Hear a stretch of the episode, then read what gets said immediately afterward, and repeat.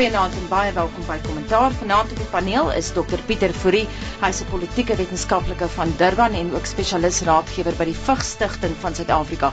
Goeienaand Pieter en welkom. Goeienaand Anita. Dan praat ons met nog 'n Pieter, Pieter De Tooy. Hy's 'n ou bekende op die paneel. Hy is Beeld se nuusredakteur in Johannesburg. Goeienaand en dankie dat jy ingekom het. Goeienaand Anita. En dan gesels ons ook met nog 'n ou bekende, professor Amanda Gas. Sy is ook 'n politieke wetenskaplike aan die Universiteit van Stellenbosch. Goeienaand en welkom. Goeienaand Anita en goeienaand aan die luisteraars. Soos gewoonlik gaan ons nuuslys aan eh, die joernalis op die paneel. Die paneel het vroeër 'n bietjie gepraat oor wat die nuusstories van die week is. Pieter, wat is ons lys? Anita weer 'n vol week agter die blad. President Jacob Zuma het Dinsdag drama veroorsaak toe hy in die parlement ter in sy afskeidsgeleentheid vir oud hoofregter Sandile Ngcobo gesê het dat howe moet hulle self nie bo die regering ag nie, hulle moet ook nie inmeng by beleidsake nie. Die voortsleepende krisis in Griekeland en die Europese uh, geldsone strompel voort. Plaaslik het dit ook weerklank gevind in minister Trevor Manuel wat gesê Suid-Afrikaners moet hulle gordels intrek. Mm baie oulike aanhaling gewees het gesê everybody is trying to keep up with the kunenes. Ons kan later daaroor gesels. Mm. Dan uh die einde van die week het gesien hoe die sekretaris baie bekwame sekretaris van verdediging Mpumi Mpofu haar bedanking aan minister Lindiwe Sisulu ingedien het. Generaal-luitenant generaal Carlo Gagiano die hoof van die lugmag het ook sy bedanking ingedien is nie aanvaar nie en dit alles hou verband met 'n storie wat kort kort opduik die uh, BBP vliegtye wat nie ordentlik uh, vlieg mm. nie die minister uh, die uh, president en adjunk president wat sukkel om hulle internasionale verpligtinge na te kom. Ook gesien dat die president het 'n ou bekende sy advokaat, sy prokureur eerder uh, Michael Hulley aangestel in die presidentskap kort nadat uh Hulley se betrokkeheid by die omstrede Aurora Empowerment Systems beëindig het. So dit het vir groot omstredenheid ook gesorg. Dan uh die omstrede ANC jeugleier se president Julius Malema se tugsaak het vandag hier in Johannesburg geëindig. Ons verwag uitspraak hierdie week dit sal sekerlik uh, tot 'n paar koerant opskrifte lei. In Bloemfontein was daar twee belangrike sake voor die appelhof. Die eerste een het Dinsdag ook gewees waar die DA appel aangeteken het teen die Hooggeregshof in Pretoria se bevinding dat uh, die president se aanstelling van advokaat Menzi Similani as nasionale direkteur van openbare vervolging was behoorlik gedoen gewees. Uitspraak is voorbou in daardie saak ook die dag daarna in Bloemfontein. En Adrian was sonnet 'n lekker stuk daaroor geskryf. Hy het 'n goeie stuk vandag mm. in City Press geskryf. Die dag daarna was Jackie Celebi daar het appel aangeteken teen en sy skuldigbevinding. Uitspraak is ook daarin voorbehou. Dit te midde van ons huidige polisiekommissaris wat natuurlik op lang verlof geplaas is. En dan uh, sal ek net laastens ingooi president Jacob Zuma het gister ter 11de ure sy eetverklaringe by die konstitusionele hof ingedien. Terry Crawford Brown hou vol dat hy soek sekere uh, versekerings van die presidentskap af om seker te maak dat die ondersoekkommissie het genoegsame magte, hmm. maar hy het nou sy eetverklaring ingedien en ons wag nou in spanning om te sien wat dit sê. Terwyl jy nou die uh, nuuslys so voorlees, sit ek en dink ek wonder wanneer die media gaan ophou om die byvoeglike naamwoord omstrede by Juju se naam te voeg. Mens kan seker nie gou nie. Seker nie gou nie. Kom ons begin by 'n ander belangrike storie van die eh, week. Amanda gaan dadelik na jou toe. Die land se regering kan nooit ondergeskik wees aan die howe nie want die regering het 'n mandaat van sy burgers wat op demokratiese wyse verkry is. Ons moet dalk net vir luisteraars uh, verduidelik hoe die paneel besluit wat die stories van die week is. Ons laat ons hoofsaaklik lei deur wat in die hoofartikels van koerante verskyn en uh, hierdie week is daar omtrent nie 'n koerant wat nie aandag gegee het aan hierdie saak nie. Beeld Donderdag, Business Day Donderdag, Sowetan Donderdag, Citizen Vrydag, Mail and Guardian, almal het gereageer op daardie nuus. Amanda vir kommentaar na jou toe. Ja, nou die situasie is sodat dit blyk asof die regering en president Zuma nie verstaan wat 'n oorsigfunksie is nie. Want as ons praat van die skeiding van mag, dit is dat die wetgewer, die uitvoerende gesag en die regterlike gesag is geskei van mekaar en die regterlike gesag het 'n oorsigfunksie oor die ander twee. Jou wetgewer is is die uh, parlement en die uitvoerende mag is die kabinet wat basies jou beleid moet implementeer. Nou die oorsigfunksie van die regterlike gesag is om te kyk dat niks wat wette of beleid wat gemaak word deur die regering bots met die grondwet nie. Dit is die hoofsaaklike oorsigfunksie van die grondwetlike hof. Die ander howe het ook oorsigfunksies, maar oor kan wees oor aspekte van implementering en so aan. Nou, met ander woorde, as die grondwetlike hof of een of van die ander howe 'n uitspraak maak wat sê die wetgewing bots met die grondwet of die wetgewing word nie reg geïmplementeer nie, dan maak dit nie beleid nie. Dit sê dat wat gedoen word word nie reg gedoen nie. En in sekere uitsprake stel dit 'n presedent wat sê die regering moet wat hulle ook al doen hersien en regstel. Maar Zuma se argument is dat die feit dat die regering verkies word deur die kiesers, het 'n belangrike stem as die howe want die howe word nie verkies nie. En dit is juis om die oorsigfunksie onafhanklik en sonder enige verbintenisse met 'n politieke party te kan uitvoer dat hulle nie verkies word nie. So hulle is 'n hoër gesag as die wetgewende gesag en die uitvoerende gesag. Nou as ons gaan kyk in die verlede waar ons nie 'n grondwet gehad het nie, um, onder die apartheid regering, was daar wetgewing wat skreiend diskriminerend teenoor swart mense was. En as dit na die howe verwys is, is basies baie van daai wetgewing het die howe nie verwys of gesê dat dit verkeerd is nie. Dit het basies net gesê hierdie wetgewing is gemaak deur die regering en daarom is dit nie diskriminerend nie. En ons weet wat die uitkoms daarvan was. Ons weet dat ons 'n stelsel gehad het wat uh, skreiend in sy diskriminasie teenoor swart mense was en met ander woorde die howe was nie onafhanklik nie en ons weet die gevaar daarvan. En wat Zuma nou basies begin uh, en en van sy kollegas, um, ander politici sê is dat basies die howe moet ondergeskik wees aan die wetgewer of aan die uitvoerende gesag en ons gaan presies met dieselfde situasie sit dat die regering kan wetgewing maak wat bots met die grondwet of wat verkeerd is in die implementering en dat basies die uitsprake van die howe nie aanvaar gaan word of geïmplementeer gaan word nie. Dan word die vraag, hoekom het ons enigstens 'n skeiding van magte? Want dit is juis om 'n skeiding van magte te hê dat ons hierdie tipe situasie voorkom en dat die howe onafhanklik is en dat hulle kan sê maar die wetgewing bots met die grondwet dit is ongrondwetlik of die implementering is verkeerd. Kom ons hoor gou wat sê eh, Pieter Fourie in Durban. Ek dink Amanda het baie goed uiteengesit. Ehm um, as die president die skeiding van magte bevraagteken en indien hy stellings maak aldat die howe ondergeskik moet wees aan die uitvoerende gesag of die wetgewende gesag dan bewys dit dat hy nie die skeiding van magte regtig verstaan nie.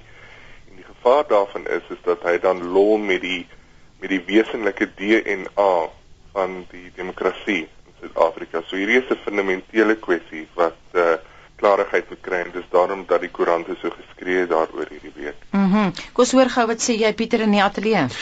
Ek dink hierdie die ongemaklik die ANC se ongemaklikheid met die grondwet en die howe se rol in die regering kom al 'n tydjie en, en ek dink ons het eerste geleide gehoor terwyl die leier van die ANC of die adjunkpresident toe hy soos hy was Jacob Zuma met sy regsprobleme destyds. En ons sal onthou dat Gori Montashe het 'n onderhoud toegestaan wat hy gesê het sommige regters beskou hulle self as teenrevolusionêr. En nou jy weet toe was daar reeds ongemaklikheid geweest maar veral hierdie jaar was daar twee voorvalle geweest wat die ANC geruk het en die eerste een was die konstitusionele hof wat gesê het in die sogenaamde Glenister uitspraak wat gesê het die ontbinding van die skerp unit is verkeerd hanteer ehm um, daar is grondwetlike kwessies rondom dit en die regering het 18 maande om 'n uh, liggaam soortgelyk aan die skerpioene wat sigbaar onafhanklik is te vestig. Nou dit was die eerste groot ding. Die tweede een was ook rondom oud hoofregters in Deling Nobo toe uh, president Zuma sy termyn eensaidig wou verleng en 'n uh, obskure stuk wetgewing daarvoor gebruik het en die konstitusionele hof het gesê jy kan nie dit doen nie. So dit is twee voorvalle in die onlangse verlede waar die regering of die ANC regering se optrede deur die howe gestuit is, gekneelter is komende uit die uh, ek ek ek was weet komende uit die uit die parlement uit. En een ding wat opval tydens toesprake in die nasionale vergadering is as ANC lede weet ministers en dis meer senior LPs as hulle 'n toespraak lewer die aanloop is hulle bring hul dan aan die aan die vryheidsmanifest die freedom charter. Daar's geen verwysing na die grondwet nie. Terwyl oppositiepartye bring hul dan die grondwet mm. hulle grond wat hulle doen op die grondwet terwyl die ANC sin is eerder op die vryheidsmanifest. Hier is 'n ongemaklikheid met die grondwet omdat oppositiepartye in die land waarskynlik en veral in die nasionale wetgewer die nasionale wetgewer sukkel om sy rol rol op te eis wat vir hom voorsien word deur die grondwet. So met ander woorde mense wend hulle al meer na die derde been van die staat toe wat die wat die wat die regbank is. Hulle gaan na die howe toe om hulle om hulle regte op te eis en hulle regte te beskerm. Mm. Waar politieke partye faal, gaan mense na die howe toe en ek dink dit is waar die ANC gefrustreerd is omdat die howe gebruik die grondwet as hulle vertrekpunt en dis 'n probleem vir die ANC. Baie kort laaste woord aan jou Pieter Fourie. Beeld skryf in 'n hoofartikel donderdag Zuma se benadering lyk na 'n amptelike bevestiging van hoekom regter Moseneke nie nou ons hoofregter is nie. Ja, hierdie gesprek waaroor ons vandag praat kom nou al 'n paar weke aan in terme van uh, die aanstelling van die nuwe hoofregter Mogoeng Mogoeng. Wat daar gebeur het is dat dit lyk vir baie ontleeders asof die president iemand aangestel het wat gaan sê wat hy wil hê die persoon moet sê en dit weerspieël ook hierdie bevraagteken van die onafhanklikheid van die howe en die skeiding van magte tussen uitvoerend en die hoogste gesag naamlik die wet. Kom ons gaan na die bedankings van uh, luitenant-generaal Carlo Gaggiano en die sekretaris van verdediging Pofu. Ons sien vandag in die Sunday Times Pieter dat sowat 1,6 miljard rand bestee gaan word aan twee langafstand vliegtye vir president Zuma en natuurlik ons adjunkpresident. Kommentaar van jou kant af? Ja, dit is 'n probleem wat nou al 'n ruk kom. Ons soos ons almal weet, word die weermag gruwelik onderbefonds. Ek dink 'n Wêreldbank riglyn is iets dat 2,2% van uh, van BBP moet aan verdedigingssake gaan iets soos die helfte van dit word bestee aan ons aan ons weermag. Ons lugmag trek uh, baie aan die aan die aan die kortste end. Jy weet ons duur Gripen vliegtye is op die grond, maar daar's eenvoudig nie geld om hulle te vlieg nie. As jy gaan kyk na die na die weer aan die lugmag se jaarverslag, jy weet hulle voldoen nie eens aan die aan die minimum aantal ure wat daai vliegtye in die lug moet wees per jaar as ons deel as ons aan NAVO standaarde wil voldoen nie. So dis die agtergrond. Met ander woorde, ons vliegtye vlieg nie, hulle word nie vervang nie, hulle is oud. Dit beteken dat ons uh, eh, BWP soos die president en die jong president wat gereeld oor see moet gaan het nie die infrastruktuur om hulle pligte na te kom nie. Nou president uh, Thabo Mbeki het in ek dink ek kan nie in 2004, 5, 6 rond het hy 'n Boeing Business Jet in Kwazi gekoop sodat hy sy buitelandse pligte kan nakom, maar dit blyk die enigste betroubare vliegtuig te wees. So Mpumi en Pofus bedanking hierdie week en uh, luitenant-generaal Gaggianus hmm. bedanking spruit uit die feit uit dat uh, Lindiwe Sisulu die minister van verdediging ontevrede is dat daar nie werk daarvan gemaak word om behoorlike vliegtye vir ons BBP's beskikbaar te stel nie. Pieter, maar jy het ook vir Mpumi Mpofu as baie bekwam beskryf. Sy is baie bekwam. Sy is nou al 2 jaar in die pos van sekretaris van verdediging wat eintlik maar die direkteur-generaal van die ja. departement is. Sy het ingekom en oorgeneem by Tsepe Motumi wat vorige uh, sekretaris van verdediging was en wat wat die departement maar in die grond bestuur het. Sy geldsaak was in 'n haglike toestand. Ek dink in 2009 het die ouditeur-generaal 'n gruwelike auditverslag uitgereik en gesê jy weet uh, die grootste probleem vir die weermag is hy weet nie eens wat se bates hy het nie. Nou dis 'n probleem wat in meeste staat maar en die weermag soveel te so. As jy nie weet hoeveel tanks vliegtye en dis meer het nie, is dit 'n probleem. Mm. Sy het oorgeneem in 2009. Sy het in net 2 jaar toegesien daartoe dat die geldsaake aansienlik verbeter is. Nog nie 'n skoon audit nie, maar sy het hard gewerk om dit te verbeter. Laat ek net ook noem sy is die eggenote van advokaat Dalie Mpofu, mm. um, wat Julius Malema vandag in sy tugsaak verteenwoordig het. Maar hoe dit ook al sy sy is 'n bekwame bestuurder en die uit die uit die blouheid bedank. Ehm um, nou is daar baie gerugte oor hoekom sy bedank het. Is dit uh is dit was daar's daar's een een gerug in die lug is dat daar is 'n tender uitgereik vir 'n uh, maatskappy wat buite Lanseria werk om uh steendienste te verskaf aan die BBP eskadre van die lugmag. Sy is ontevrede daarmee en sy het glo bedank daaroor. Mm. Haar bedanking is aanvaar terwyl luitenant-generaal Gaggiano se bedanking is nie aanvaar nie. Dis nie aanvaar nie, dis reg ja. Luitenant Gaggiano volgens militêre kenners is basies die enigste ou wat bekwam genoeg is om die lugmag te lei en wat ook interessant is, hy is al vir 2 jaar lugmaghoof as lid van die burgermag. Daar's niemand anders om by hom oor te neem. Amanda, mense met die vraag vra oor hoekom is die weermag in so 'n toestand as ons hierdie biljoene rande uh, spandeer het aan toerusting wat nou bekend staan as die wapenskandaal. Het ons goed gekoop wat ons nie nodig het nie? Hoekom word dit nie onderhou nie? Of het daai wapentransaksie werklik net gegaan oor die kickbacks wat mense gekry het? Ek is skepties oor of Suid-Afrika regtig 'n massiewe weermag nodig het. Ons is nie meer in die land van PW Botha nie. Ons is ons is 'n vredelewende staat. Ons het wel 'n mag nodig in terme van ons verpligtinge in die res van Afrika om vrede te maak en te hou. Maar in terme van 'n groot aanval van 'n mag buite Suid-Afrika, die wêreld werk nie meer so nie. Ons ons het nie meer veel om te vrees in terme van 'n 'n militêre aanval nie. So ek sou sê ons het eerder iets soos 'n kuswag nodig eerder as 'n vloot. Ons moet ons uh, hoe ons dink aan verdediging en gevaar moet ons skuif en dit het implikasies vir begroting ook. In terme van hierdie nuutste kwessie, ek dink uh, selfs vir 'n ontwikkelende staat, dit is nodig dat daar werkende vliegtye is vir staatshoofde. Dit is skriend dat uh, daar die een ding na die ander gebeur in terme van ons uitvoerende gesag se onvermoë om internasionaal te reis. Mhm. Mm ek sien Pieter wil jy aansluit. Die die die vraag word ook natuurlik gevra, is dit nodig dat die jong president en die president in hulle eie luukse vliegtye reis? Terwyl die eerste minister van Brittanje vang kommersiële vlugte, hy vlieg British Airways, jy weet daar is daar's veiligheidsmaatreëls rondom dit wat mense ook moet in ag neem. Ehm um, maar maar maar nou sit ons net met een vliegtyg wat geskik is om 'n staatshoof te vervoer en dat jong president Galema Motlanthe vlieg glo met 'n Falcon 900 wat in die 1980s vir PW Botha aangekoop is. So die ironie daarin kan mens seker nie ontglip nie. Nee, absoluut nie. Nou moet ek uh, met my tong stewig in my kies vra. Jy sê nou is dit nodig dat hulle in hierdie soort vliegtye reis is dit nodig dat van ons ministers in hulle motors moet slaap? Dit lei ons seker na die volgende storie toe Anita. Um en en Ek hoor Amanda lag daar in die agtergrond. Minister Tina Jomat Petersen het het uh, volgens uh, ons kollegas 'n redelik verstommende perskonferensie hierdie week in in Kaapstad uh, gegee waarin sy verskriklik geprotesteer het en berigte dat sy ten duurste vir baie lank in in hotels en gastehuise gebly het. Jy weet sy het vertel hoe moeilik haar lewe as minister is. Jy weet hoe sy een aand in haar duur Merc moes slaap buite die gastehuis en sy is uitgesit uit die gastehuis uit. Hoe sy al 'n bed moes deel met haar kinders as minister. Ehm um, jy weet en haar voet is gebreek. Jy weet en hoe haar, haar uh, lywag haar moes rondhelp en jy weet sy het regtig 'n prentjie geskets van 'n minister wat vreeslik sukkel. Sy het die blame verskuif na alles almal en almal rondom haar behalwe haarself. Laat ons net weet verfris sy het ten duurste in hotels gebly vir miljoene rande.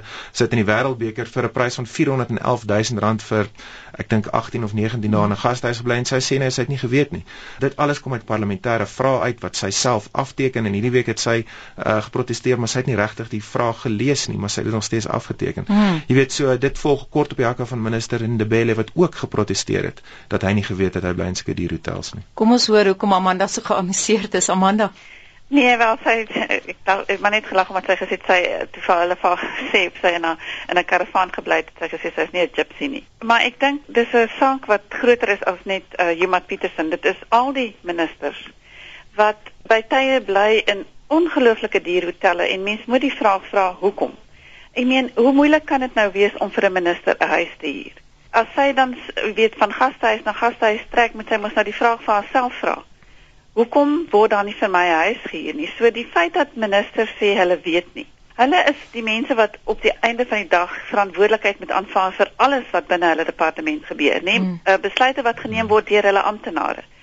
En as sy nie eers bewus is van wat se met haar met haar eie behuising gebeur nie, dan is sy mos nie besig om daai oorsigfunksie toe te pas nie. So en ek ek weet nie of of ministers wanneer hulle ministers word, een of ander opleiding kry oor presies wat daai oorsigfunksie behels en wanneer jy daai oorsigfunksie nie nakom nie en goed verkeerd loop, moet jy eintlik bedank. Dit is hoe 'n parlementêre stelsel werk.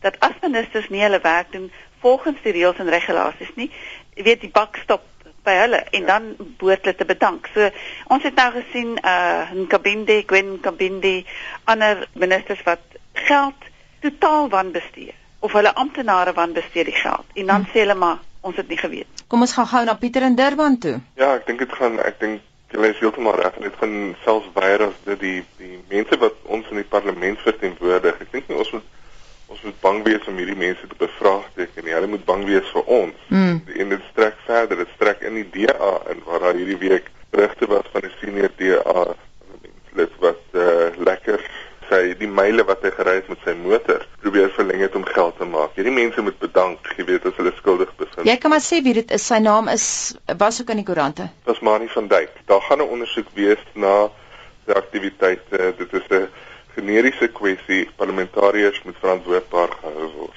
Maar nou uh, tog voordat ons op die lig gegaan het, het, het Pieter in die ateljee vir my gesê, daar's effens 'n klemverskywing nou in terme van hoe die ministers voel, hulle moet 'n bietjie meer verduidelik. Pieter sê tog vir die luisteraars wat jy vir my sê. Skielik en, en en en baie vreemd, jy weet, uh, toe toe Zuma se toe Zuma verkies is in Mei 2009 en sy regering toe sy kabinet toe saamgestel het, was daar vir die eerste 8 sê jaar was daar weekliks vrae gewees aan ministers oor uh oor hulle huise en hulle voertuie en en en die DA het dit verskriklik goed uitgebuit. Jy weet, daar het nie 'n week verby gegaan wat 'n minister moes erken. Hy het 'n 1.2 miljoen rand se BMW aangekoop omdat die vorige voertuig het 180 000 kg opgehad of of of of sulke stories en hulle het dit net absoluut uh, hulle het hulle afgesmeer aan sulke navrae. Jy weet en dit is waar die ministeriële handboek die omstrede ministeriële handboek skerp in fokus gekom het. Want elke verskoning was maar die ministeriële handboek sê ons mag. Die ministeriële handboek bepaal ons mag 'n voertuig amptsvoertuig amptsdag aanskaf van tot 80% van ons jaarlikse vergoeding. Hmm. nou vir 'n gewone minister is dit 'n voertuig van 1.2 1.3 miljoen rand. En verlang het dit hulle nie geplan nie. Maar nou het Tina Jomat Petersen en Sibonde Belly die afgelope 2 weke vreeslik teruggekrabbel na uh antwoorde wat hulle self onderteken het wat sê hoe baie hulle spandeer in hotels. So dit lyk asof die kritiek besig is om hulle om om hulle bietjie te vang. Maar ek wil net twee punte maak uh uh weet wat uh een wat Amanda gesê het en een wat Pieter gesê het. Amanda wat praat van kraus ministers nie opleiding nie.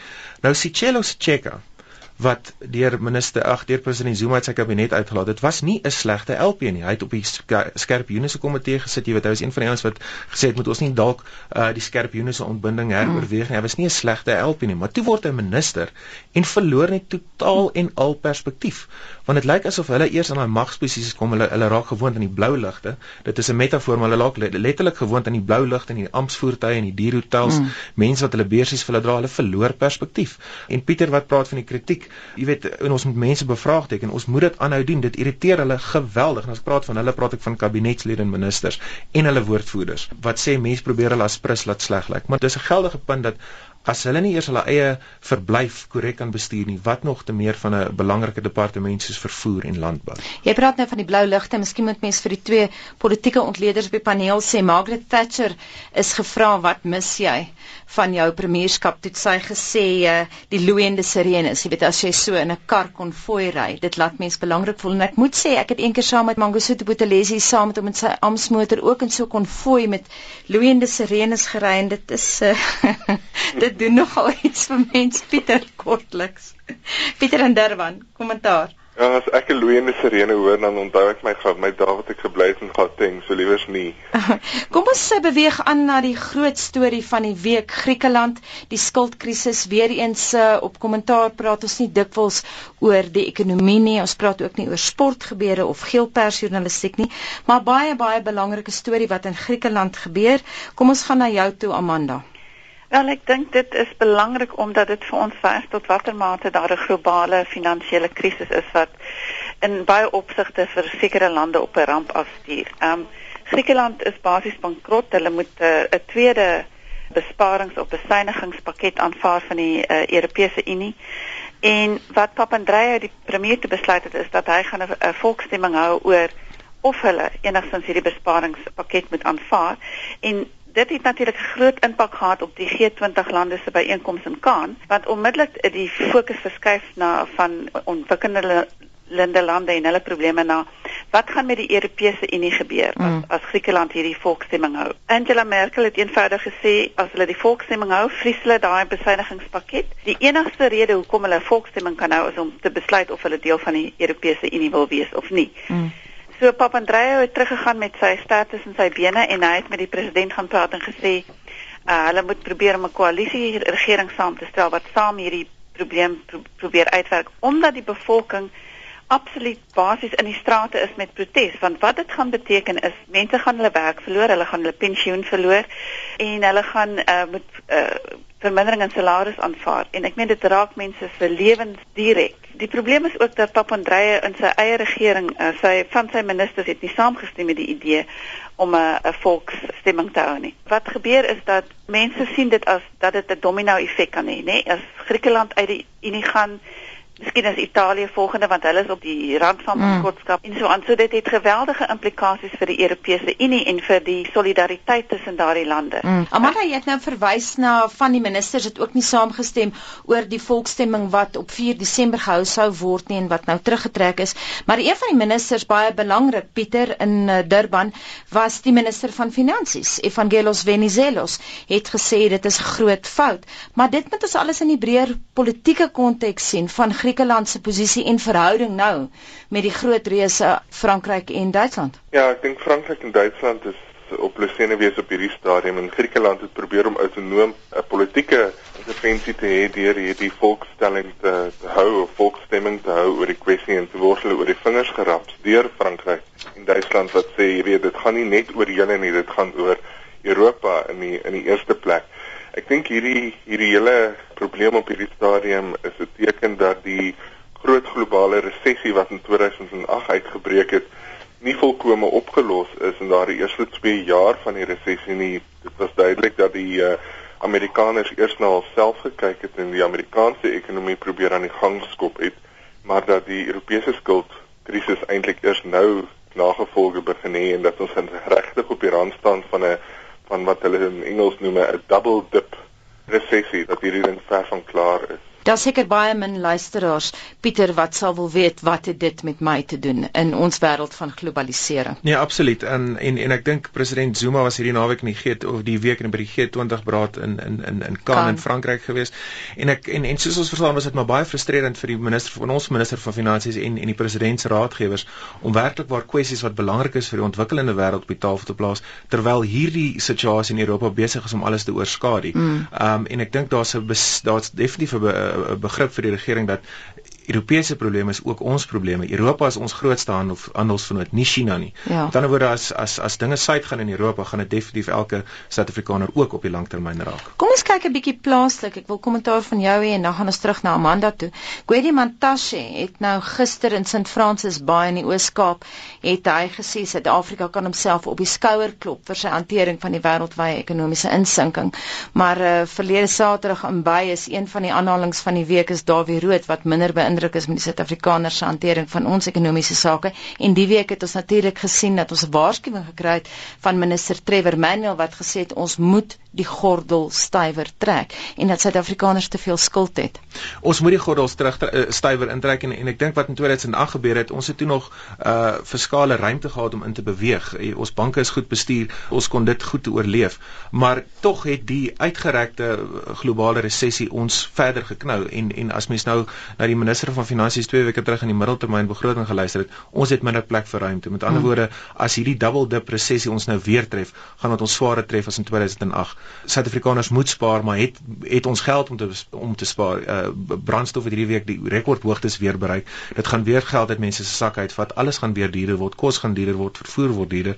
Dit jaag inflasie aan. Ons moet ons gordels intrek, maar daar's nie veel om in te trek nie. As luisteraars wat pas ingeskakel het, wonder hoekom ons nou op kommentaar gesels oor ekonomiese ekonomiese sake, wil ek net sê my kollega Erika van der Merwe sal later praat oor die effek op die markte, die effek van die Griekse skuldkrisis op die markte, maar natuurlik wat in Griekeland en Europa op die oomblik gebeur het ook politieke implikasies Amanda. Die politieke implikasies is dat ek meen die rede hoekom die Europese Unie gestig is is juis om 'n groot moondheid, groot ekonomiese blok daar te stel wat as 'n teenvoeter vir vir Noord-Amerika wat so sterk ekonomie gehad het tot in 2008 te wees. En wat dit nou beteken as daardie Unie begin verbrokkel, is dat wat gaan gebeur met byvoorbeeld die euro, die geldeenheid? Gaan lande terug aan 'n ander geldeenheid? Gaan dit wees soos wat dit van tevore was? En wat ons sien is die geweldige implikasies van die Unie dat dat die die ehm um, supranasionale liggaam, met ander woorde die Unie het geweldige impak op beleidsbesluite, op hoe state hulle bevolkings regeer en wat gedoen kan word en wat nie gedoen kan word nie. Ek meen Papandreou as 'n premier behoort die regte om 'n om 'n volksstemming te hou. Mm. Maar hy kan nie want hy word nou gebind deur supranasionale wetgewing en regulasies. Pieter, kom ons kyk 'n bietjie na die verhouding tussen Griekeland en die res van Europa. Volgens alle berigte, maak nie saak watter nuusagentskap jy gelees het nie, was Angela Merkel en uh, Nicolas Sarkozy absoluut briesend oor die feit dat hulle nie eens ingelig is oor hierdie aankondiging wat Dinsdag gekom het uit die bloute uit nie. Dink jy dit gaan um, die Griekse verhouding op die langtermyn met Europa skaad? Ek dink op hierdie stadium lei dit tot spanning. In elk geval dit dit dui vir vir politieke wetenskaplikes op 'n interessante spanning tussen soewereiniteit en integrasie. Jy weet, daar's 'n interessante gevalle studie daar. Maar ek dink die uh lidstate in Europa is so afhanklik van mekaar dat selfs al is daar twee spalt in die in die Europese familie, gaan dit nou nie lei tot 'n totale uit uitmergeling en en die hele die hele familie gaan nie uitmekaar skeur nie. Kom ons gaan terug na plaaslike nuus toe en ons nuuslys wat Pieter vir ons voorgeles het aan die begin van die program. Julius Malema, mense mhm. wil nie oor hom praat nie. Die omstrede. Absoluut, maar sy tugsaak eindig vandag. Mm. Ons weet nou die aard van die saak nog nie wat gebeur het nie. Dit sou Woensdag geëindig is uitgestel tot Saterdag. Dit is uitgestel van Saterdag na vandag toe. En ons is veronderstel om hierdie week die uitslag van die tugsaak te kry. Ek wonder of hy enigsins gestraf gaan word ehm um, weet 2 maande het verloop sedert die ANC met groot uh uh vanvare besluit het om hom weer aan te kla. As ons kan onthou, hy's aangekla omdat hy 'n uh, regimeverandering in Botswana gepropageer het. Hy's verander, hy's aangekla daarvan dat hy twee spalt in 'n organisasie aanblaas. En daar was aan die begin 'n uh, vasbeslotenheid om Malema as politieke probleem te elimineer. 2 maande het verloop. Ek weet nie of die politieke wil steeds daar is om hom uit te haal soos wat die aanvanklike bedoeling was nie. Kom ons hoor wat sê Pieter in Durban. Dink jy die politieke wil is daar? Nee, ek ek dink selfs al al is die wil daar, weet ek nie of daar regtig die energie is op hierdie stadium om dit te doen nie. Ek dink hulle moet simbolies vir hom oor die vingers raps en ek dink dit sal waarskynlik gebeur, maar uh, ek dink hy sal dan 'n uh, grasieuse simboliek teruggee en en om verskoning vra indien hy dan iets verkeerd sou gedoen het en dit sal basies daar gelaat word. Amanda? Nou, ek dink dit het tog implikasies dat ehm um, jy weet Malema het die afgelope tyd met die opmars na die aandelemark in die Unie gebou gewys dat hy is in beheer en hy het baie steun.